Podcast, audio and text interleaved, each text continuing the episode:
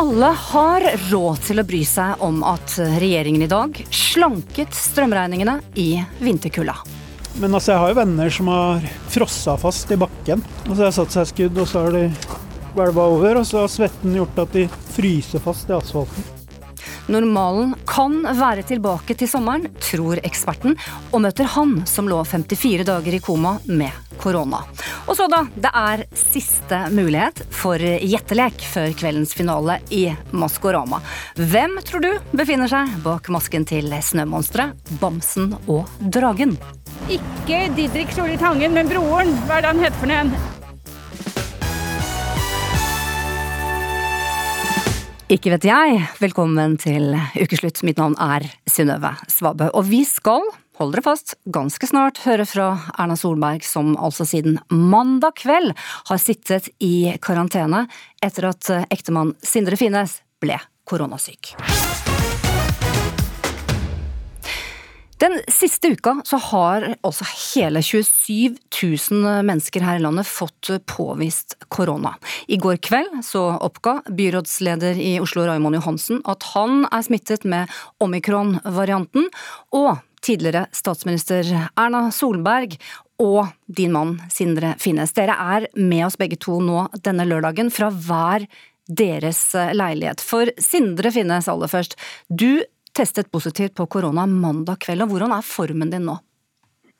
Nei, nå er formen ganske god. Litt sånn eh, småforkjølelse igjen i kroppen. Og så hoster har jeg litt sånn tørrhoste.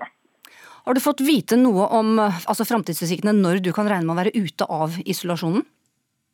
Eh, nei, det er jo slik at det er jo mer enn fem døgn siden min eh, eh, symptomdebut. Og, og, hvis det er delta jeg har, så er det holder det. Så da kunne jeg gått ut nå. Eh, og så er det to døgn til da hvis det er omikron. Mm. Og Erna Solberg, eh, tidligere statsminister, er også med oss. Dere er på en måte East Wing, West Wing, og du er altså i en helt annen leilighet. Har vært der i smittekarantene siden mandag kveld. Da. Men du er fortsatt frisk og straks på vei ut av denne karantenen? Ja, jeg er egentlig ute av karantenen. Jeg, eh, I dag, eh, egentlig i går kanskje, jeg har eh, testet meg noe hver dag, og jeg har testet PCR-test, det er ingen, eh, ingen eh, koronasmitte hos meg. Så, men det er greit å være ja, ekstra forsiktig i disse dager. Det er jo veldig, eh, veldig mye smitte, og med omikron gående rundt. så er det greit å ta litt ekstra varsomhet. Så jeg har nå tenkt å fortsette iallfall et døgn til. Men jeg hører at du, som så veldig mange andre av oss, altså du, du høres litt tett ut i, halsen du òg? Litt sånn små, ja? Men det, det, det, er mer fordi at jeg er jo den første du snakker med. Jeg, du er den første jeg snakker med i dag. Så jeg har ikke brukt stemmebåndene ennå. Jeg har alltid litt rusk i halsen, men jeg har ingen eh, Jeg, er ikke forkjølet engang lenger. Du, so, du sover med andre ord litt lenger når du er i, i, i isolasjon, for å si det, eller altså i i, for deg selv? Ja, jeg er veld, veldig mye på sånn tekstmeldinger om strøm akkurat nå, og litt mindre på snakke med folk, ja. ja. Du, jeg må også spørre deg, eh, Sindre eh, Finnes, for du, jeg regner med at dere har hatt ganske god tid til å tenke litt nå, nå som dere har sittet i denne eh, karantenen hver for seg. Isolasjon du da, Sindre Finnes. Det er bare altså 13 dager igjen til julaften nå som skal være i, i Bergen for dere som sedvanlig er, og det er vel ikke noe drømmesituasjon dette her? Nei, det, det, er ikke noen drømmesituasjon. Men det jeg har tenkt mest på, er at når det er så mye smitte ute, så må jo alle, alle familier sette av en liten leilighet eller gjøre klar til at en eller annen familie kan bli smitta inn i jula. Sånn at han på en måte planlegger litt for at han, han har en, en, plass til karantene han har en plass til, til isolasjon i huset. Det er sånn som jeg har gått og tenkt på. Ja, Og heldige er vi da som bor i dette landet vårt, skal vi si det sånn? Ja, det er litt utrolig heldig. Mm. Men, men eh, Finnes hører, hvis vi kan være litt, sånn, litt humoristiske også nå som vi vet at det går bra med deg Mange vil jo si at du nærmest nå har hatt en sånn drømmeuke, da, som veldig mange ektemann eh, kunne tenkt seg. Altså fri fra, fra kjerring og unger en uke. Høres jo ikke så verst ut da, når alt skal sies. Nei, men jeg er nok blant de ektefellene som har sett minst til kona i løpet av svært mange år. Da. Så, så, sånn sett så, så tror jeg det er andre som går mer tett på hverandre enn det Erna har gjort de siste 20 åra. Erna Solberg, fra spøk til alvor. Vi, altså landet vårt står nå i reelle, store utfordringer. Ehm, vi, vi har også skyhøy tall på, på antall smittede med korona. Og vanligvis, da, i ett og et halvt år, så var det du som sto på den andre siden. Det var du som ledet eh, pressekonferansene, du var statsministeren vår, og nå har du altså opplevd den andre siden som, som pårørende, som nærkontakt til en syk. Hvordan har denne rollen vært, og hvordan, hvilke tanker gjør det deg? Det som jo er vanskelig når det er sånn som med oss når du, Vanligvis når en, en familiemedlem blir syk, så vil du jo gjerne være der med dem. Nå gjelder det jo å holde seg unna og bare holde telefonkontakten for å ikke bli, bli smittet. Um, uh, og det sier jo mye om hvor vanskelig det egentlig er for folk når, når, du kommer i en sånn situasjon. Jeg har jo vært heldig som har hatt venner og andre som kunne hjelpe meg med på et annet sted. Men, men, uh, men uh, det er jo litt Eh, altså Det er jo krevende eh, når noe sånt skjer. Og så er du jo selvfølgelig litt bekymret, så jeg har jo ringt et par ganger om dagen og, eh, for å høre hvordan det går. Sikkert litt masete. Nei, og koselig. For det, det er det var vel neste spørsmål. Altså, hvordan, hvordan har hverdagen da i hver sin leilighet hvordan, en hel uke siden mandag kveld, hvordan, hvordan har den vært? Hva har dere gjort på? Begynner med deg, altså, Sindre Finnes. Ja, eh, Mandag tirsdag var jo jeg ganske eh, sånn influensasyk, så da var det fikk gjort litt jobb og ikke ellers så mye. Mens eh, fra onsdag av så har jo jeg vært i mye kontakt med kolleger og gjort en del jobbting. da. I tillegg så har jo det vært diverse forspørsler fra media og andre som har fylt opp dagene. Og så heldigvis i går var det skiskyting, og i dag har det vært alpint på TV. Ja, og Erna Solberg, i kveld er det noe jeg vet du er ganske interessert i, for det avslørte du når du var med i podkasten til Sara Natasha Melby. Du er interessert i Maskorama, som har finale da heldigvis i kveld. Den skal vel du se?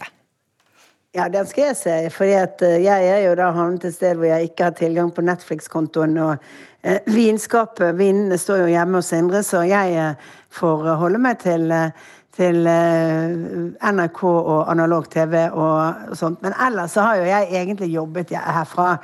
Eh, jeg har jo vært med på denne Panora, altså Maskorama-podkasten eh, fra karanteneleilighet, og jeg har vært drevet og hatt morgenmøter og, og fulgt opp. Så jeg har egentlig bare gjort som veldig mange andre, hatt hjemmekontor. Og gjort det som jeg, jeg ellers ville gjort på kontoret. Og så vet jeg at dere har hatt et helt eget privat lite Fodora-bud som dere har brukt walkietalkiene på, og det er at det har virkelig gått en kule varmt for sønnen deres. For han har altså gått i skyttel mellom leilighetene med å bringe og hente ønsker fra mor og far. Ja, eh, når han avla eksamen på torsdag, så måtte han etter det ta en tur og handle litt og sørge for at vi hadde nok å spise på og sånn. Det er jo fint det når du har noe familie i nærheten.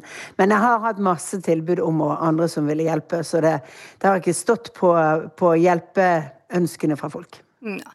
Sindre Finnes, så eh, rikt, godt og gode nyheter at alt ser ut da til å gå riktig så bra med deg, at formen er stigende. Også det samme til deg da, Erna Solberg, som straks kan kanskje eh, ses i hvert fall til uken, kanskje på juleshopping da, så alt er klart til dere skal til Bergen. Og så regner jeg med at dere som mange andre har fulgt med på pressekonferansen til regjeringen om eh, deres tiltak til strøm, eh, å få ned strømregningen, og det skal vi snakke mer om her i Ukeslutt ganske så snart. Takk for at dere var med oss eh, begge to, Erna Solberg, Sindre Finnes. Så skal vi høre, som vi nettopp har sett på og hørt på nyheter, så er altså det klart at strømregningen blir lavere enn fryktet. For noen minutter siden så la regjeringen frem en ny ordning, og Tone Nordahl i Dagsnytt, du fulgte pressekonferansen. Hva er statsminister Jonas Gahr Støres løsning? Jo, nå er det altså klart på denne pressekonferansen at staten skal betale deler av strømregningen eh, for alle som bor i Norge. Vi skal prøve å ta noen av detaljene. Det er altså i månedene desember, januar, februar og mars vi skal få hjelp med strømregningen. Og eh, det er altså sånn at eh, staten skal betale halvparten av det som overstiger 70 øre per kilowattime. Vi kan eh, høre hva statsministeren sa nettopp. Vi tar sikte på at fra og med neste strømregning så vil husholdningene få et fratrekk i fakturaen og det vil fremgå av fakturaen fra strømselskapene. Og Oppskriften er at staten vil ta halvparten av regninga for det som overstiger en spotpris på 70 øre per kWt. Det betyr at staten er rede til å være med opp om den prisen øker. Og Skulle prisen gå ned, så er jo det gode nyheter. Det er høye priser uansett, folk må tenke gjennom det. Men går det over 70 øre, så er det ekstraordinært. Og da sier staten, fellesskapet, vi sammen, vi tar halve regninga. Ja, Nå skal altså staten betale deler av strømregningen for oss, men det er ikke sånn at vi bare kan nå begynne å sløse og bruke så mye strøm vi vil.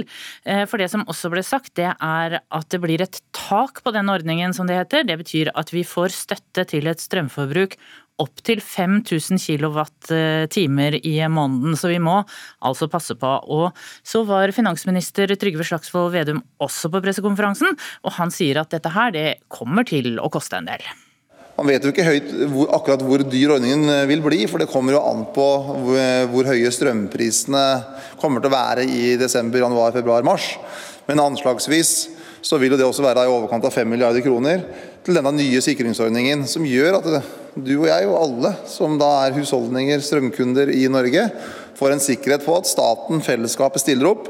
Når da strømprisene på spot går over 70% så tar staten 50 70 øre, ja. Helt riktig, Støre.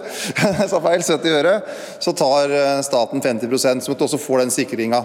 Ja, det kan være lett å gå seg litt bort i alle tallene her. Og, og, hva dette liksom egentlig betyr for den enkelte av oss. Da. Vi har jo flinke folk ute i redaksjonen her som sitter sikkert og regner på det nå, for å se hva det kan bety for en familie på så og så mange, og med så og så stort hus eller så og så stor leilighet. Så det kan folk gå inn og lese på nrk.no etter hvert. Men mm, det hovedpoenget altså, vi får hjelp med strømregningen, og dette skal trekkes direkte fra på fakturaen fra og med neste måned. Tone Nordahl, dette tror jeg det norske folk vil synes er ganske gode nyheter? Jeg tror eh, mange setter pris på det. Så får vi se da og komme tilbake med litt mer sånn nøyaktige summer hva det betyr for den enkelte. Men altså halve, halvparten av det som overstiger 70 øre per kilowattime, det skal staten betale. Takk for at du kom her i Ukeslutt. Og litt senere i sendingen så skal vi rett og slett høre fra noen som gir beng i strømregningen. For hjemløse, de har helt andre bekymringer nå i sprengkulda. Norge er nå så godt som koronastengt igjen, og for bare et par uker siden, ja da var det utenkelig. Innenfor de rammene så syns jeg at folk skal planlegge for å se familien i jula, slik det ser ut fra i dag 30. november. Men vi er ikke på det nivået at vi skal inn i hjemmene til folk.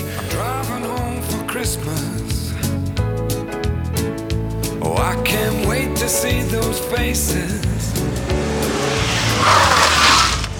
Vi har sagt at vi kommer til å ta grep umiddelbart hvis eh, situasjonen blir bekymringsfull. Eh, nå har vi kommet dit. Vi anbefaler å ha maks ti gjester hjemme og 20 personer på julaften eller nyttårsaften eller en av dagene i jula.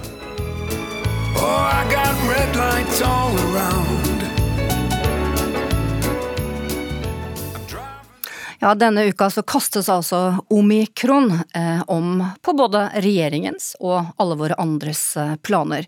Nå som de fleste voksne er eh, vaksinert, så skulle vi jo feire jul både i hjemmene og på julebord, og mange har nok gledet seg, men så kom altså da omikron. Litt à la den grønne grinchen som kom og stjal julen. Og nå er vi omtrent der vi var for et år siden. Eh, det blir jo ikke å dra ut eller noe, da. Første og andre juledag, som er eh, litt sånn tradisjon der jeg kommer fra. Ja, det er jo noen sammenkomster som allerede er blitt avlyst, da. Vi er svensker begge to, så vi drar hjem til Vi har et hus i Sverige, så vi, vi, bor der, og så treffer vi familie, den absolutt nærmeste våre. Uh, besteforeldrene mine kommer tilbake fra Spania, uh, så da skal vi feire jul med dem. Ja, i fjor ble vi jo tre istedenfor uh, 16, f.eks. Så det var jo litt kjipt. Reporter her var Mariann Strand. Vi har fått besøk i studio av deg, Anne Spurkland. Takk. Immunolog og professor ved Universitetet i Oslo. Ganske kjent stemme og ansikt, vil jeg tro, for de aller fleste de siste årene nå. Du mener allikevel at 14 desember, det er en D-dag, en kritisk dato for den som vil feire jul med sine nære og kjære, og hvorfor det? Altså, Hvis man blir smittet den 14. desember, så med omikron, da kommer man i eh, smittekarantene, og den varer til julaften. Så, så, det gjelder å unngå å bli smittet fra og med 14.12. og framover. Hvis ikke så blir det veldig vanskelig å få avsluttet juleforberedelsene. Det tar du altså belegg for å si? Eh, jeg ble gjort oppmerksom på det, fordi det var et julebord som ble avlyst den 16.12., og da ble det påpekt at hvis vi blir smittet, så er vi i karantene til andre juledag. Og da tenkte jeg å oh ja, det er sånn det er! Å søren! og nå vet vi alle det, altså. Men du, kunnskapsministeren har sagt at kommunene de kan gi skolebarna tidligere juleferie. Hva tenker du, er det lurt? Eh, jeg, nå er det så mye armer og ben i skolen med smitte og uh, smittekarantene, som jeg nettopp sa. Foreldrene havner i smittekarantene. Så ut fra det resonnementet jeg nettopp la til grunn, så ville det være fornuftig at uh, skolene tok ferie fra før 14.12. For å sikre at alle er ute av karantenen til julaften. Men disse barna de sprer jo, altså barn under tolv år, uh, mye av smitten nå. Burde de vært vaksinert? Altså, De har jo ikke kunnet bli vaksinert fordi det ikke har vært godkjent vaksine til barn i alderen 5-11 år før nå nylig. Jeg tror den godkjenningen eh, gikk gjennom eh, i USA i slutten av oktober eller der omkring. Og det er relativt nylig også at det er blitt godkjent for bruk i Europa. Så, så muligheten har ikke vært der før nå, helt nylig. Og eh, nå i Norge så får barn med spesielle behov eh, tilbud om den vaksinen hvis de er i alderen 5-11. Men de aller fleste barn får jo ikke det tilbudet ennå. Mm. Men det er jo sånn da at folk som er vaksinert, eller har vært syke med delta-varianten, ja. kan, kan, kan, de bli eh, veldig syke av omikron, og kan, de få det? Eh, det er jo det vi har sett nå i disse to ukene etter at omikron kom eh, inn i verden, eller iallfall opp til overflaten, at, eh, at det kan absolutt smitte også de som er fullvaksinert. Så i forhold til å begrense smitte, så eh, har eh, vaksinasjonen vist seg nå å ha begrenset effekt. Men eh, det er ganske åpenbart at det fortsatt beskytter godt mot alvorlig sykdom. Og nå har vi jo nettopp hørt fra Sindre Finnes, han er i fin form. Så, så jeg for min del er ikke bekymret for meg selv og andre fullvaksinerte med to doser av vaksinen. Jeg tror man tåler infeksjonen ganske godt. Men det er jo et kjempeproblem at vi alle sammen nå er blitt mulige eh, bærere av smitte og kan smitte andre. Og dette treffer jo da eh, eldre som fortsatt er sårbare, folk som har immunsvikt, og de som har valgt å ikke vaksinere seg. Og alt dette sammen kommer til å ende opp med en enorm bølge av folk som trenger helsehjelp, tror jeg. Iallfall foreløpig kan vi ikke la være å planlegge for noe annet. Så da handler det eh, om å få raskt i gang disse boosterdosene?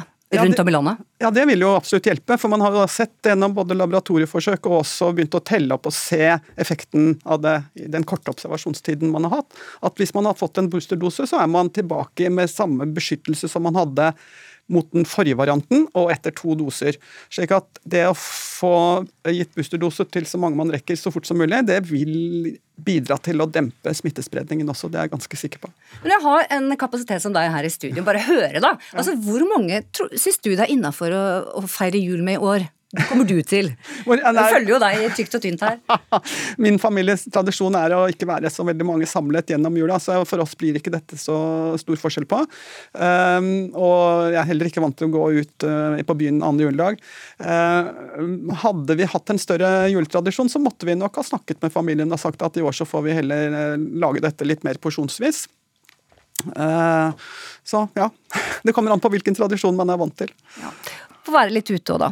Og så har vi den derre gode nyheten vi har lest i avisene, da. Det står å lese at du har hevda at eh, vi kan være ferdig med pandemien til sommeren. Og da må jeg spørre deg, hva er det som gjør at du tror det og sier det? Altså, Jeg argumenterer ut fra immunologiske betraktninger her når jeg sier dette, og jeg har skrevet om det for en uke siden på bloggen min, at hver gang vi møter viruset i form av en vaksine eller blir smittet, så vil immunforsvaret lage antistoffer. Det har vi jo nå lært. Alle har fått med seg hva antistoffer er. og De kan øke i mengde, og de faller i mengde. og Det bestemmer hvor lett man kan bli smittet. Men det folk ikke vet, og som til og med immunologer ikke alltid tenker så grundig over, er at hver gang dette skjer, så vil også antistoffen endre seg. Så, så viruset prøver seg med forskjellige endringer. Eh, med en viss tilfeldighet, mens antistoffene de blir systematisk endret eh, hver gang eh, det er en ny sånn aktivering. Så når vi får en boosterdose nå, så kommer vi til å få flere antistoffer, men de kommer også til å være bedre. Bedre mot omikron, men de kommer også til å ha liksom, laget Det kommer til å være en liksom, liten ekstra hær av antistoffer som ikke passer så godt nå, men som kommer til å passe hvis viruset prøver seg på en annen variant. Så handlingsrommet for viruset blir minsket nå framover. Og derfor tror jeg at vi kommer ikke til å se noen ny variant som lager sånne problemer som omikron eh, gjør akkurat nå. Og dette er gode nyheter. Eh, Steven Fu, du er med meg nå. Eh, Vi skal høre din historie ganske snart her i Ukeslutt. Du lå 54 dager i koma med korona. Ja, det stemmer det. Det var fra 8. mars til 30. april. Så lå jeg i kunstig koma. Og eh, Anne Spurkland, jeg må spørre deg helt til slutt her, før vi hører musikk og hører altså Fus eh, historie. Det er aldri for sent å ta vaksinen. Nei, jeg syns at eh, nå, har dere, nå har vi fått høre om Sindre Finnes som da eh, er blitt smittet. Han er i samme alder som Steven Fu, eh, og Sindre Finnes er vaksinert. og hans opplevelse av dette er en ganske sånn, mild influensasak. Men i fjor, da Steven Fu ble smittet, det var i mars, sånn som jeg, hørte han sa, da var, det, ikke- da var det ikke vaksine til den aldersgruppen, så han fikk dette uvaksinert og endte i den nesten mest tenkelige eh, versjonen av sykdommen. Fortell hva som skjedde med deg 8. mars.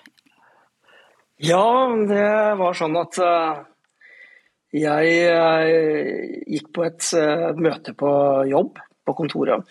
Jeg har sittet på hjemmekontor siden 12. mars i, i fjor, og så går jeg på kontoret 22. februar og har et møte, og der blir jeg smitta. Vi var fire stykker på jobb som ble syke. Så det her slo ut eh, tre dager etterpå, så kom alle symptomene. Først så trodde jeg at det var en lungebetennelse, for jeg hadde smaks- og luktsansene, men eh, prøven var positiv. Og så ble jeg lagt inn. Og de første to-tre dagene på isolatet så gikk det ganske bra. Jeg var jo eh, så frisk at jeg var til og med rastløs. Jeg drev og tok armbøyninger og situps til sykepleiernes store fortvilelse. Men, men uh, uka etterpå, den uh, 3. mars, så smalt det rett og slett. Jeg fikk ikke pusta. Det, det, jeg fikk store pu- pusteproblemer og måtte få på en oksygenmaske. Så jeg lå der og kjempa med denne oksygenmaska i to-tre dager, og så kommer overlegen og sier at vi vurderer å legge deg i respirator, og lurte på hva jeg syns om det. Og da sa jeg det veldig enkelt, eh, det liker jeg dårlig, sa jeg, og hadde lyst til å kjempe videre. Og så jeg gjorde det da over helgen til den mandag 8. mars. Så på morgenen kom eh, samme overlege tilbake og sa med myndig stemme at nå bestemmer ikke du, det jeg bestemmer, sånn. Du skal i respirator nå. Det jeg ikke visste, var at oksygenmetningen i blodet mitt var så lavt at det begynte å bli kritisk. Kunne dø? Jeg- Ja, det kan jeg ikke uttale meg om, men eh, å ikke få pusta, det er jo ganske vesentlig. Så jeg fikk ikke lov til å ringe hjem engang. De anestesiteamet kom inn, og jeg var borte i løpet av fem minutter. Så de skulle ringe til samboeren min og si for at nå ble jeg lagt i respirator. Så eh, våkner jeg.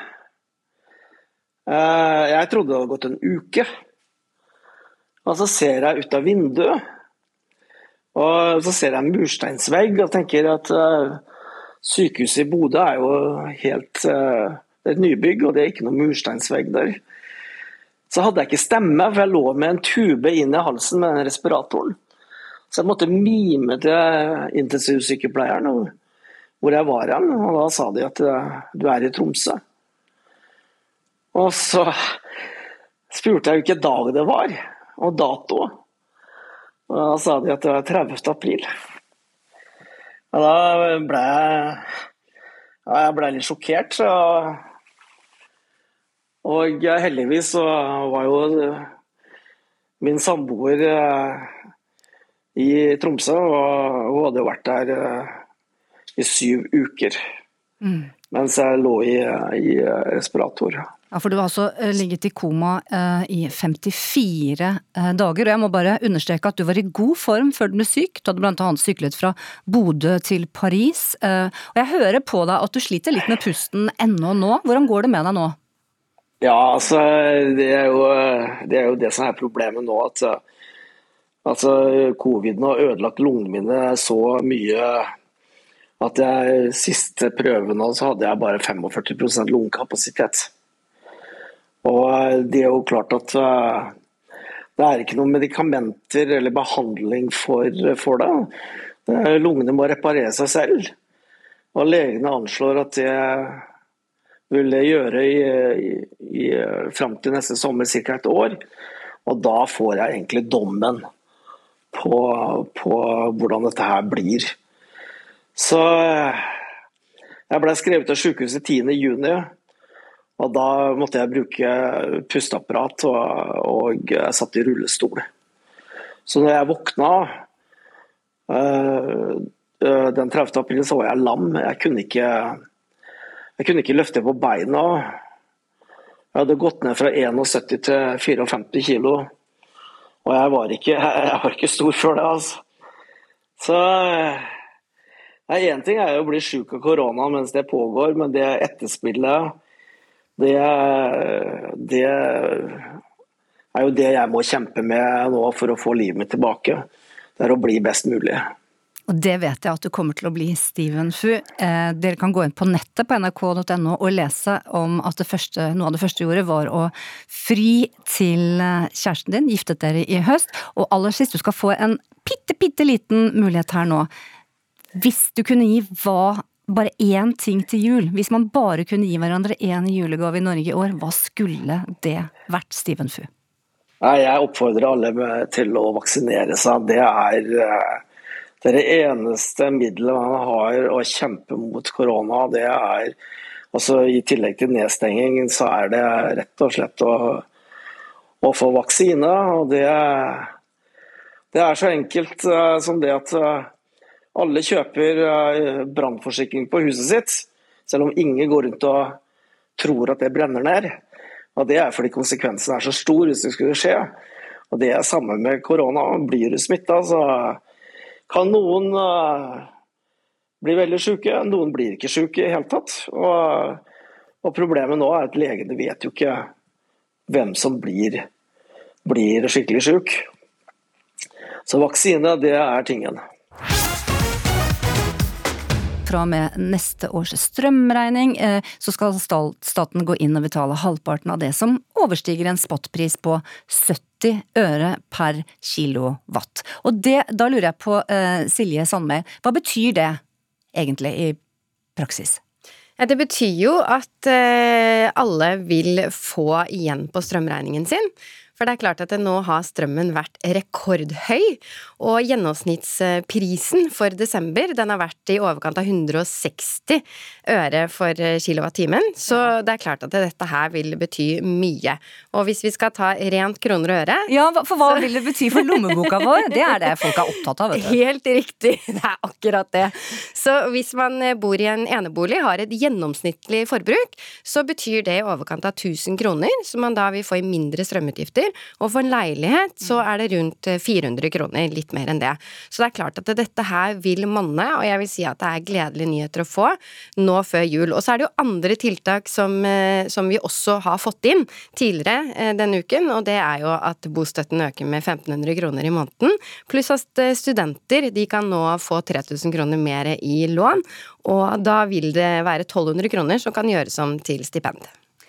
Men Regningene vil jo da, Silje Sandvel, eh, fortsatt bli ganske høye. Og det er jo mange tenåringsdøtre kanskje som har fått beskjed om å bare dusje annenhver dag. Men, men hva kan man nå gjøre selv da for å få ned regningene? ja, den dusjen. Den har vi hatt diskusjon på hjemme også. ja, jeg tror mange har kjent seg igjen i den. Datteren min har begynt å ta sånn stoppeklokke, så den er veldig fin. Og det er en god idé! Ja, ja, absolutt. Men det man må tenke på når det kommer strømmen, det er at 60-70 eh, av forbruket, det er oppvarming. Så det er helt riktig som du sier, når det kommer til dusjing og ta seg et eh, langt bad, så er det klart det at strømprisen er høyest når alle andre også gjør det samme. Så tenk at mellom syv og ni om morgenen, så stå heller kanskje opp litt tidligere, eller dusj om kvelden. Og det samme gjelder om ettermiddagen, mellom fire og syv, så er også strømprisen alltid på det høyeste. Og da må man også huske på, eh, alle hjem nå som har elbiler, og kanskje da lade opp det heller om natten, hvor strømprisen er mye lavere, sånn at man kan spare strøm. Kanskje det blir en ny bølge. Jeg har jo sett mange mennesker gå med bildekk i skogen. Kanskje man begynner nå å se masse ektemenn som går og drar elbilen. Har du prøvd? Har du? Jeg har sittet fast i snøen, og det er helt umulig å bevege en elbil. Nå tas det bilder i studio av Instagram-dronning, også samtidig som man er forbrukerspesialist. Så må man jo være det, Silje Sandmæl. Vi hørte nettopp uh, Love og Troy Sivan og I'm So Tired. Fordi nå er det et lite taktskifte. Fra strømregninger så skal vi altså til skattelistene, som uh, kom denne uka. Og tilbake på toppen av lista over de rikeste i Norge så er altså Kjell Inge Røkke. Samtidig som folk blør over høye strømregninger og dyre julegaver som skal kjøpes. Altså. Så har vi kunnet da lese om influensere, kjendiser, finanstopper og jeg vet ikke hva. Og Silje Sandmæl, er det noen spesielle du har liksom vært litt nysgjerrig på da, i disse skattelistene i år? Nei. Nei. Da er vi to. Jeg er ikke så nysgjerrig på hva andre tjener, eller hva andre har i formue. Nei, men hvem er disse listene for da? For de kommer jo år etter år etter år. Er det et slags se og hør for finanseliten? Man skulle tro det, fordi jeg vet ikke hvor mye disse listene har blitt brutt ned. Jeg har til og med vært på en av listene over eh, programledere. Så her, her det, Og det er sånn Farmen-deltakere! Altså, det er jo på en måte lister for enhver. Ja. Men det man må vite da, når det kommer til disse skattelistene, mm. er jo det at det viser ikke de virkelige tallene. Det er ikke lønna di som står der. Jeg blir litt sånn provosert når jeg ser 'dette tjente', eh, fordi for meg er tjente lønn men det står jo da inntekter, som da kan være renteinntekter, det kan være leieinntekter, og det kan også være hvis du har solgt aksjer. Så det du prøver å si, Silje, er at du egentlig kjenner mer enn det som sto på den lista der? Det er det du prøver å si? Du tjente ca. 300 000 mer. ja, det kan både stå mer og mindre, fordi at eh, det trekkes jo fra fradrag, for det er jo alminnelig inntekt som vises da. Men du, eh, fra spøk til alvor, som det heter, hva, hva gjør det med oss egentlig, vil du si, å sammenligne, for mange gjør jo det da, tenker, å sammenligne seg selv da, med, med de som er veldig rike i dette landet. Gjør ja, det, det med oss? Ja, det gjør det, skjønner du. Fordi at eh, forskning viser jo det at eh, det er ikke hvor mye penger vi har som gjør oss lykkelige. Selvfølgelig skal du ha penger til det som er basic, altså du må kunne kjøpe mat og bo, men jo mer du tjener, jo mer lykkelig blir du ikke. Men det som også ny forskning viser, er at det som gjør oss mer eller mindre lykkelig, er sammenligningsgrunnlaget.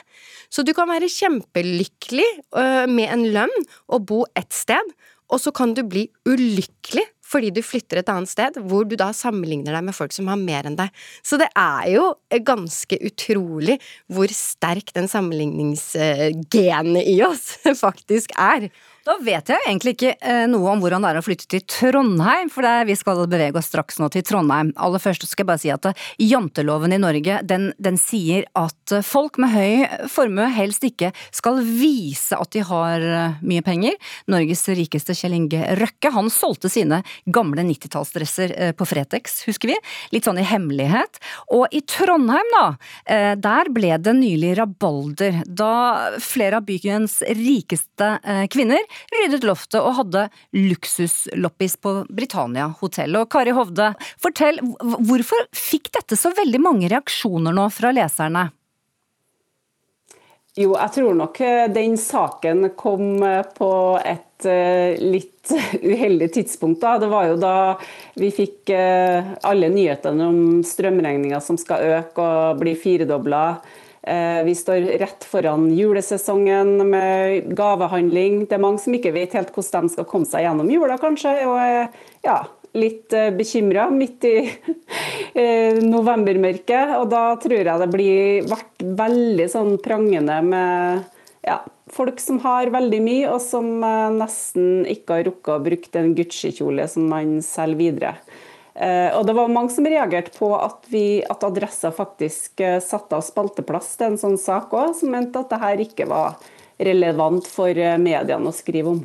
Ja, Dra oss nå litt igjennom hva, hva, det var folk reagerte på. Altså, hva, slags, først, hva slags loppemarked var det? Hva, hva, kunne man kjøpe når kvinnen hadde ryddet til loft for luksusartikler? Det var alt fra ja, relativt dyre merkeklær, sånn som finnes i mange butikker, sikkert i Oslo Og så var det en del sånn eh, topp luksus. Eh, Valentino-sko, eh, Gucci-belte, Gucci-kjole, eh, Louis Vuitton-kjoler. Eh, ja. Eksklusive ting da, som eh, de nesten ikke hadde brukt. Som nå kunne kjøpes for en, ja, kanskje til en tredel av prisen, en fjerdedel av prisen. Så sånn sett et godt kjøp for dem som var på jakt etter uh, dyre, ikke så veldig brukte ting, da. Janteloven står jo veldig sterkt i Norge, og dere skal få avrundingsvis her, Silje Sandmæl og Kari Hovde. Tida vår rekker ikke mer, da, men dere skal få komme med et lite kort innspill på dette med at det er nesten umulig hva en rik person gjør eller ikke gjør. Så, så hva, hva kan eventuelt være positivt ved dette her, da? At det blir gjenbruk? Jeg syns det er veldig bra at det blir en trend da, der man kan uh, kjøpe også dyre ting som er brukt. Da. At det blir en trend, og det burde vært mange flere av sånne uh, luksusloppiser, mener jeg. Da. Jeg tror det har blitt veldig ettertrakta. Og til slutt så vil jeg bare si at årets julegavehit, det vil faktisk være enten en brukt gave, fordi over halvparten ønsker seg det, syv av ti ønsker seg hjemmelagde gaver, og på toppen av alt, folkens, så er det opplevelser som folk vil bli aller mest glad for.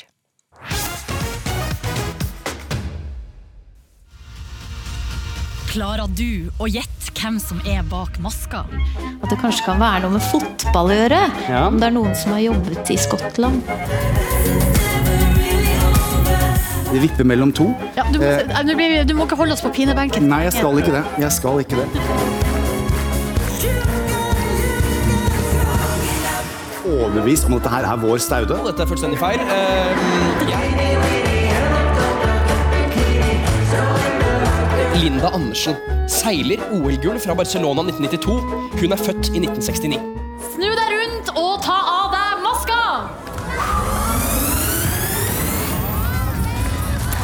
Ja, altså for siste gang da, så skal kjendisene ta av seg maska i Maskorama i kveld. Eh, jeg må bare si veldig kort at akkurat nå kom det inn en med maske, og det er Sara Natasha Melby. Men altså, vi må også få med oss her at store deler av Norge har kost seg og gjetta på hvilke kjendiser som gjemmer seg inni de fabelaktige kostymene. Og om ikke mange timene så får vi altså svaret på hvem som er inni snømonsteret Dragen og Bamsen. Og Sara, bare velkommen takk i studio! Takk For det, takk. Vi har også med oss skjønner, en annen travel madam som sitter i Detektivpanelet i Maskorama, TV-sendingen i kveld, og det er deg, Marion Ravn. Hvor spent er du nå? Jeg er utrolig spent. Nå sitter jeg i taxien og straks framme i uh, Maskorama-studio. Ja, Du har kalt dette, altså, denne sesongen for helt ko-ko. Hva tenker du nå, bare time før finalen? Du liksom, er du 100 sikker på hvem som er bak maskene? Altså, Jeg er ikke 100 sikker i det hele tatt. Jeg blir bare mer og mer forvirra hver lørdag. Eh, og når Abid Raja har gått på huk fire lørdager på rad, så Så hvem vet hvem det er, egentlig? Nei, men Da er det jo godt at vi har deg, Sara Natasha Melby, da, programleder også for denne fantastiske Maskorama-podkasten. Um, fordi at du har blitt en real entusiast for eh, showet, og i kveld så er det fest i stua. Den har begynt oh, allerede. Ja, virkelig. Eh, men jeg har det litt som Marion, altså. Jeg syns bare det blir verre og verre. Litt hal altså Halvveis så tenkte jeg hm, dette skal jeg klare. Jeg skal være med helt inn, og jeg skal vite hvem som står der til slutt. Jeg skal vite hvem som gjemmer seg bak disse maskene. Har ikke peiling. Nei. Altså har ingen idé i kveld. Du har ikke? Nei, altså jeg har jo noen tanker og noen teorier, eh, og jeg er jo litt som veldig mange andre på noen navn. Men fremdeles er det en del av meg som tror at spesielt i Snømonsteret så skal det ramle ut noe helt annet enn vi forventer. Men du må fortelle litt om det, for du har vært i Ukeslutt litt tidligere eh, i høst, og da fortalte du at du har klar, altså stua full, så tapetserer du med Excel-ark og skjemaer over deltakere, du noterer detaljer på hint på kostymer og alt sånt som er sagt under sending, da, og hva sier ikke krystallkula, da, men Excel-arket forteller deg vel noe om det som skal skje i kveld? Ja, det gjør Excel-arket. Det som nok er den største utfordringen, er at det jeg jo gjør i dette Excel-skjemaet mitt, er jo at jeg setter opp, som du sier, alle hintene da, ikke sant, som kommer. Og det som er litt spesielt med det, er jo at det er jo det jeg tror er hint. For det vet vi jo faktisk ikke. Av alle ting som sies i hintvideoene, av alt som vises på scenen, så vet vi jo faktisk ikke hva som er reelle hint, og hva som bare er dekor. Nei, men la, Nå skal jeg ta begge to som en tipp. En god, gammel Arne Skeie tippekupong her. Nå har vi med eh, deg, eh, Sara Natasha Melby fra Maskorama eh, Le Podcast, og Marion Ravn Le Detektiv Byrå i Maskorama. Vi spør, jeg spør, og så kommer dere med noen tips. Snømonstre, spør jeg. Hvem er det? Hva sier du, Marion? Altså, jeg har fått mer og mer troa på at det er en av Ylvis-brødrene. Fordi? Eh, eh, nei, altså de er veldig flinke å synge, og um, så er det tipsene, da. Det er mye liksom, det er Paradis fra Bergen. Det er, liksom, de har en podkast som heter O-fag, så det er liksom mye sånn herre Parad Paradis fra Bergen, kan det være Trude Drevland og det, da? Hva, hvem, ja, hvem Nei, tror nå vet du? jeg at det er en mann. ja, Sara, Sara, hvem tror du snømonsteret er? Jeg følger Marion eh, langt på vei, men jeg skal høyne med at det er begge Ylvis-brødrene i eh, Snømonsteret. Og som en joker fra sida, uh, Ylvis-venn Kalle Hellevang Larsen. Alle tre? ja. Hode, kropp og, og bein, er ikke det det? fantastisk? Det hadde, da, få, da får du 50 kroner eh, av meg. Bamsen, da? Hvem er det? Brum, brum. Vi begynner igjen med deg. Eh, vi, nei, tar vi Sara først, faktisk. Ok, begynn med meg. Ja. Nei, der har jo jeg, som mange andre, trodd at det var Ingeborg Walter veldig lenge. Eh, en del av meg tror det fortsatt, men vi hadde Ingeborg Walter med oss i podkasten på torsdag. Og det er så enkelt som at enten er Ingeborg en av landets beste løgnere, eller så er det ikke Ingeborg Walter. Mhm. Du har jo hatt Erna Solberg i podkasten også. Kan det være Erna Solberg? Nei, hun var ganske overbevisende på at hun hadde alibi eh, for de siste lørdagene. Eh, og hun trodde også Ingeborg Walter var eh, i bamsen fram til vi snakket med henne, og da låste Erna sitt tips på eh, Lisa Børud. Ja, hva, hva sier du, eh, Marion? Ravn? Jeg, også, jeg føler at det er enten Ingeborg Walter eller Elisa Børud. Men når jeg hørte på podkasten nå, eh, og dere snakka med Ingeborg, så har hun en ganske barnslig stemme når hun snakker. Eh, Og det har også Bamsen. Så jeg ble litt mer sikker med Ingeborg igjen, jeg nå. Men det har jo også Knut Arild Hareide. Nå merker jeg at jeg er veldig sånn Jeg liker konspirasjonsteorier, det merker jeg at jeg gjør. Dere, vi må, vi må også spørre om da kanskje den som veldig mange er opptatt av. eh, dragen. Dragen, Marion. Altså, jeg tenker at det må jo være en idrettsutøver med i år. Så jeg lurer på om det er Dragen som er jokeren her, og at det er en idrettsutøver inni Dragen, altså. Ikke Eli Hagen. Jeg mener Carl I. Hagen har vel kalt Eli Hagen for Dragen ganske mange ganger. Nei, det, er ikke, det var bare en wildcard. Men hva tror du da, Marion? Altså, kan, det, kan det rett og slett være Jon Carew? Ja, jeg tenker jeg har rett og slett eh, Jan Thomas rett. Er det Petter Northug? Men som rett og slett er dragen og ikke snømonsteret? Ja, jeg tror det. Det er jo kanskje Dragen som mest sannsynligvis ikke er en profesjonell sanger. Du, det har vært veldig mye snakk nå om denne eh, podkasten du har, Sara Natasha Melby. Altså, det er jo ikke alle kanskje som har hørt den ennå, og man har jo tid til det, for sendinga den begynner i kveld klokka Ti på åtte? Ja, så da har man, for meg hørt ganske mange av podkastene. Hvor finner man den? Du, Den finner man eksklusivt i appen NRK Radio. Hvis man begynner når ukeslutt er ferdig, så tror jeg man rekker ganske mange episoder før finalesendingen i kveld. Og du, du eh, jeg må spørre dere helt til slutt, begge to. Begynner med deg, Marion Ravn. Hva er det som gjør at voksne mennesker rundt om i det ganske land syns at Maskorama er liksom høydepunkt? Det var 1,3 millioner som så på i fjor. Mange tror det blir like mange eller flere i år. Så hva er det ved dette programmet som fenger sånn? Jeg tror man bare blir så utrolig nysgjerrig og bare må vite hvem det er. Man blir helt ko-ko. Så man blir avhengig, rett og slett. Og du, Sara? Nei, Jeg er enig med Marion. eh, Og så tror jeg det er to, to elementer eh, vi nordmenn er veldig glad i. Det ene er jo å gjøre ting sammen. Eh, Det får vi gjort her. Vi ser det samtidig, alle snakker om det samme på søndag. Og det andre er å være detektiver. Vi leser krimlitteratur mer enn andre, og vi, vi elsker å være detektiver, og her får vi den muligheten. Det er kjempegøy. Og det beste med det hele, vet dere hva det er? Du får det på NRK! Det beste stedet med de beste programmene på den beste lørdagen. Tusen takk for at dere kom, da.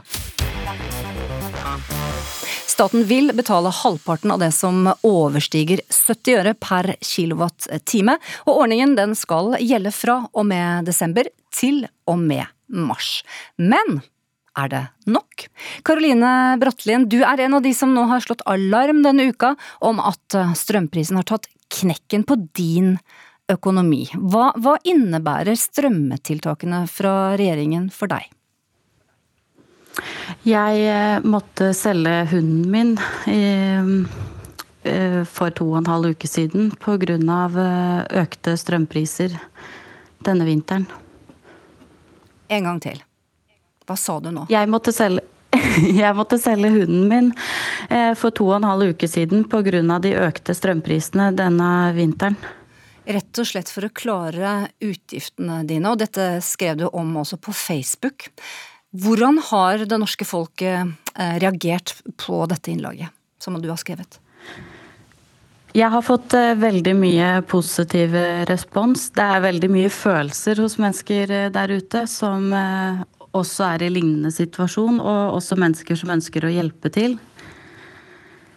Men fortell da, folk som ikke har hund, og, og som kanskje sitter der nå og har god råd. Altså, dette må du forklare. Fordi hva er det uh, du tjener på, da, hvis man sier det sånn, på å selge det kjæreste du kanskje har en hund?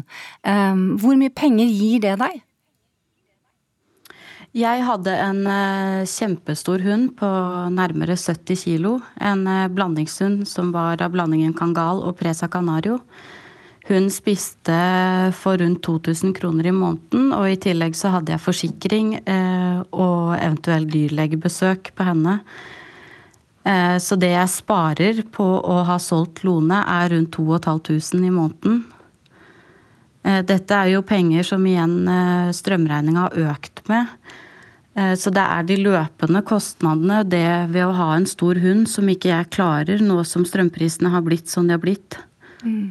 Men du har, som du sier, sant, hatt stor respons på innlegget ditt på Facebook, og har fått litt forskjellig av, av folk. Hva, har folk gitt deg? Jeg har fått eh, Vipps-meldinger, penger. Eh, og så har jeg også fått en del eh, henvendelser angående eh, folk som ønsker å gi bort både klær, og folk som har lyst til å hjelpe meg hvis jeg trenger noe hjelp med, med mat og sånne type ting. Og så har jeg fått eh, ved. Jeg har fått ved for hele vinteren. Å hjelpe hverandre, det, det, er det vi må gjøre nå. Eh, men disse tiltakene, mm. Eh, tror du de vil hjelpe deg og andre? Vil de hjelpe nok?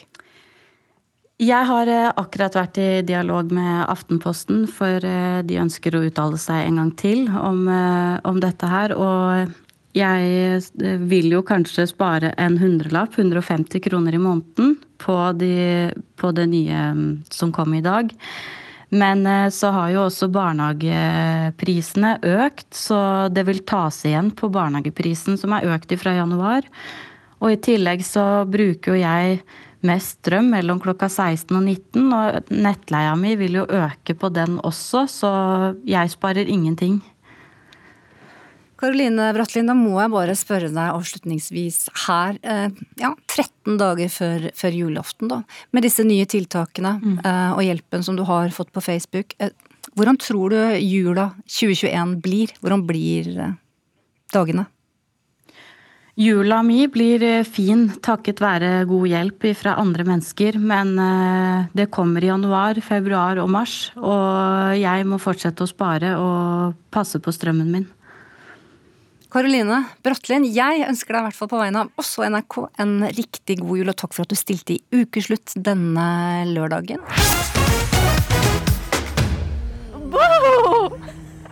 Vet du hva, Nå syns jeg det begynner å bli ganske surt. Eh, men det er bare å kle seg godt. Og jeg tenkte i stad å søren, da skulle jeg tatt på meg strømpebukse. Det er veldig kaldt. Jeg bor i Norge fra nesten åtte år, og det den, dette året er den kaldeste. Jeg kjøper meg mye klær dette året. Det er iskaldt ute. Det er helt forferdelig. Hvor lenge klarer du å, å være ute i ett strekk? Skal man ut med søpla, så er det liksom de fem sekundene. Det er ikke noe mer enn det, altså. Trærne eh, og tærne, ja begge deler, de brenner av kulde. Nakken spenner seg og kinnene de svir. En kuldebølge har spredt seg over hele landet de siste to ukene. Men hva hadde du gjort om du ikke hadde hatt et hjem å komme inn til eller en seng å sove i? Vi har sendt vår reporter ut, Ingrid Elida Karo Johansen. Tilfluktsrom i gamle dager. Så innover der er det jo en liten gang som man kunne ligge i da. Dette er Alf Hansen. Han har på seg en militærgrønn boblejakke og beige kakibukser. Og frostrøyk stiger ut av munnen hans. Han forteller om hvordan det er å bo ute. Så er det jo det Det er ikke alltid du trenger å sove under tak. Det er bare det å få ly fra vinden. Vi er i Stensparken, og for bare noen år siden var denne parken ett av stedene Alf ofte søkte ly i på natta. Men altså, jeg har jo venner som har frossa fast i bakken. Og så har jeg satt seg skudd, og så har de hvelva over, og så har svetten gjort at de fryser fast i asfalten. Uh, it's very, very cold, my shoe. Denne er lik Oslo-selgeren, står ute hele dagen. Og det er heller ikke alltid han sover inne om natta. Han er som Alf en gang var, bostedsløs. Og det finnes mange av dem. I Norge finnes det over 3000 bostedsløse. Vær så god.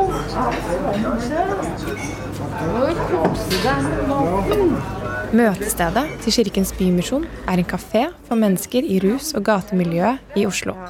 Her kan de gi deg mat til en billig penge, og ull og sovepose om du trenger det. Så her er det alt fra Ja, se her, sånn skikkelig fine Marius-genser nesten. Og litt liggeunderlag og soveposer og ja. Kjersti Kloman Høyner er virksomhetsleder på kafeen. Veldig lav terskel, her kan man komme i den formen man er. Men uh, ofte er det jo en dårlig form på gjestene våre. Prøver å være et mest mulig vanlig kafé. Vi selger maten, og, og det gjør noe med på en måte verdigheten og selvrespekten til folk. Det er jævlig kaldt. Jeg har ligget ute i tre år, altså det går fint. det.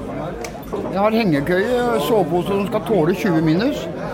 Og Hvis ikke han gjør det, så får XXL besøk av meg med kvittering i hånda at den her holder ikke mål.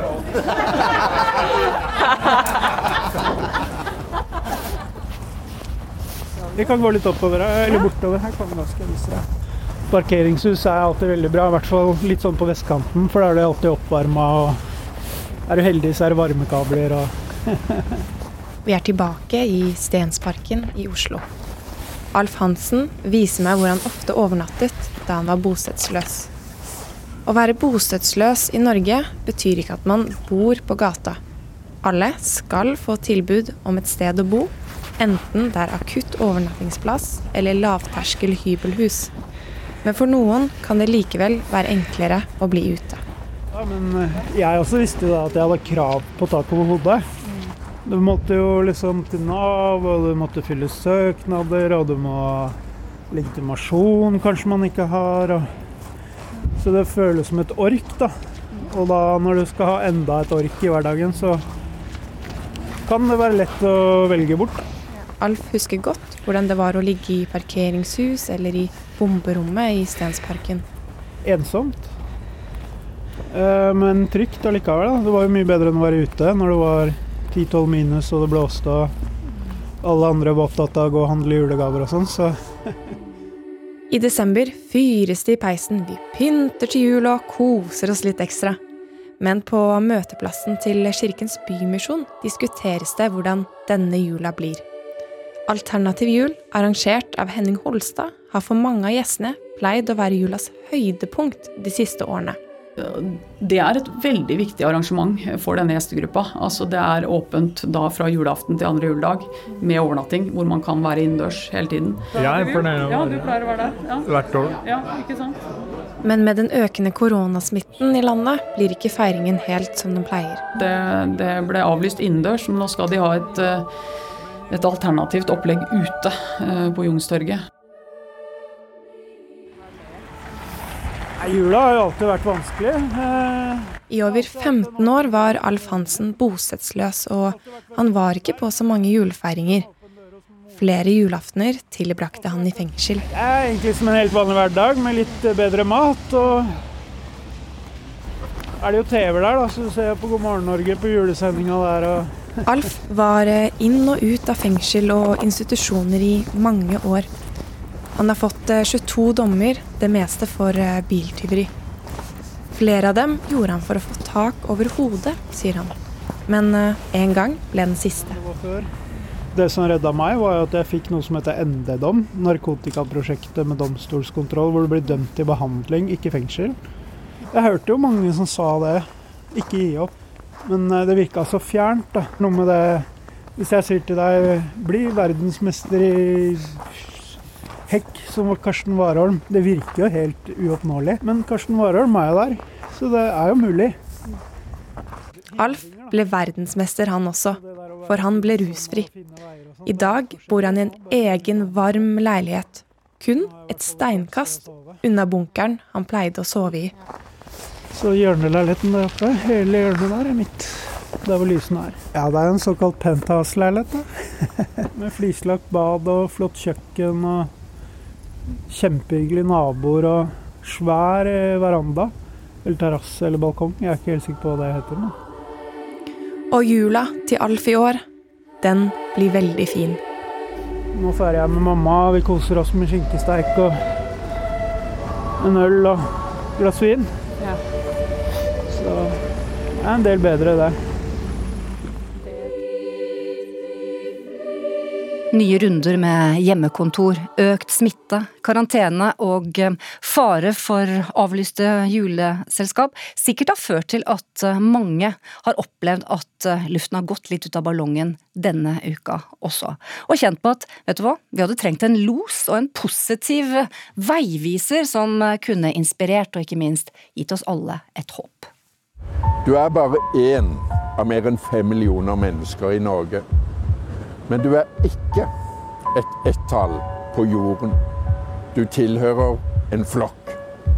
Bry deg om flokken din. Går det an å være et jeg alene på kloden? Kjenn etter selv. Hvem, hva, hvor var du hvis det ikke fantes andre mennesker i din verden? Og i Per Fuglis flokk, eh, Per Fugli som altså døde for litt over fire år siden, der var du sentral som hans sønn, Aksel Fugelli. Og jeg er helt sikkert ikke den eneste som savner hans inspirerende ord nå i denne tunge tida som vi er inne i. Og hva tror du, eh, Aksel, at din far Per Fugelli ville sagt til oss alle nå? Det jeg, jeg, tror, jeg, tror, han har vært eh, litt forbanna. For det, jeg tror nok han har tenkt at vi har takla denne pandemien på, på, på, en ganske dårlig måte. Hvor de under 22 og de over 75 har tatt mye av støyten. Eh, og det er litt uverdig. Det er greit at det var litt kaos i starten, men etter hvert har det jo blitt tydelig at dette går greit, men vi må balansere tiltakene. Og da har det vært de økonomiske hensyn som, har veid tyngst hele tida. Så hadde far levd, så tror jeg hadde blitt stekforbanna på det her. Hvordan vi med alle våre fond ikke kan ta oss råd til å ta humanitære hensyn i stedet for økonomiske hensyn under pandemien. Men du, her, her, du, her beskrev du litt sinnet hans, at han ville vært forbanna. Men samtidig dette her da med å, å samle oss, um, få bort redselen, men liksom få oss til å liksom å ja, føle på en, et håp. Hva, hva, tror du han ville sagt da? Han var jo samlende, men det, det, var, det var, på slutten, holdt jeg på å si. Altså, da ble han veldig folkekjær. Men det, når jeg minnes far, sant, da, da, liker jeg ikke å tenke på, på den gamle og syke som uh, snakker om å dø og det her. Jeg, jeg, jeg tenker på han som, som, den krigeren, nesten den folkefienden som han også var.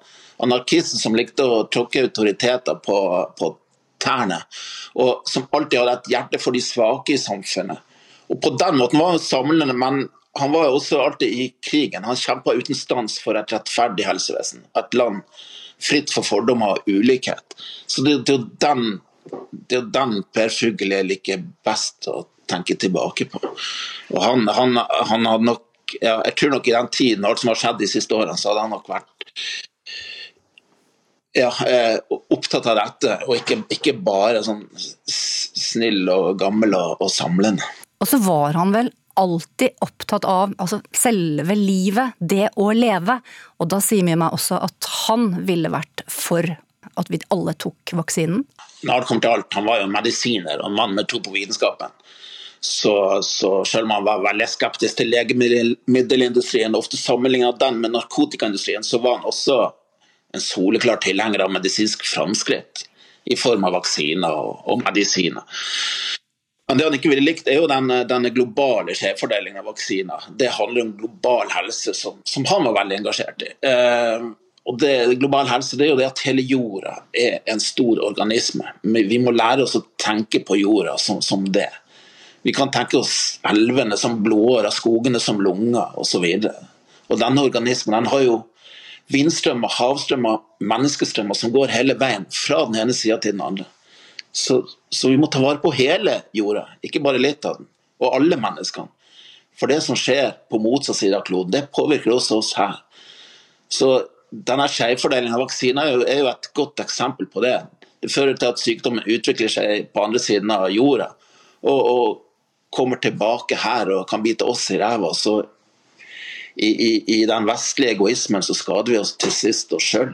Jeg var så heldig at jeg fikk eh, møte faren din, Per Fugli. For jeg vil tro det er nesten nøyaktig altså, eh, i dag fem år siden denne helgen.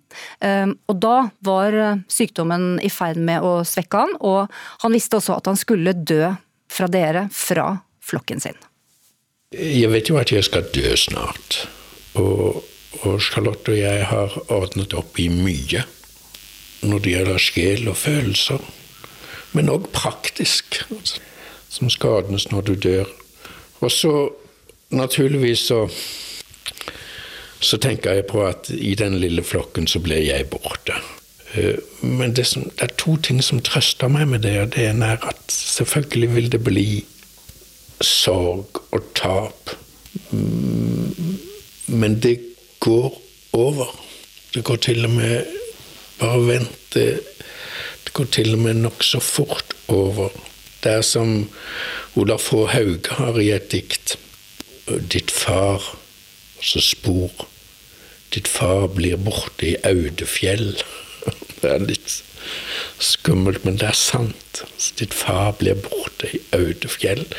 Det andre Eh, som trøster meg, det er at de vil ha Per på en slags minnepinne. Men jeg har bare en sånn veldig trygg følelse av at det minnebildet av Per, eh, det er godt.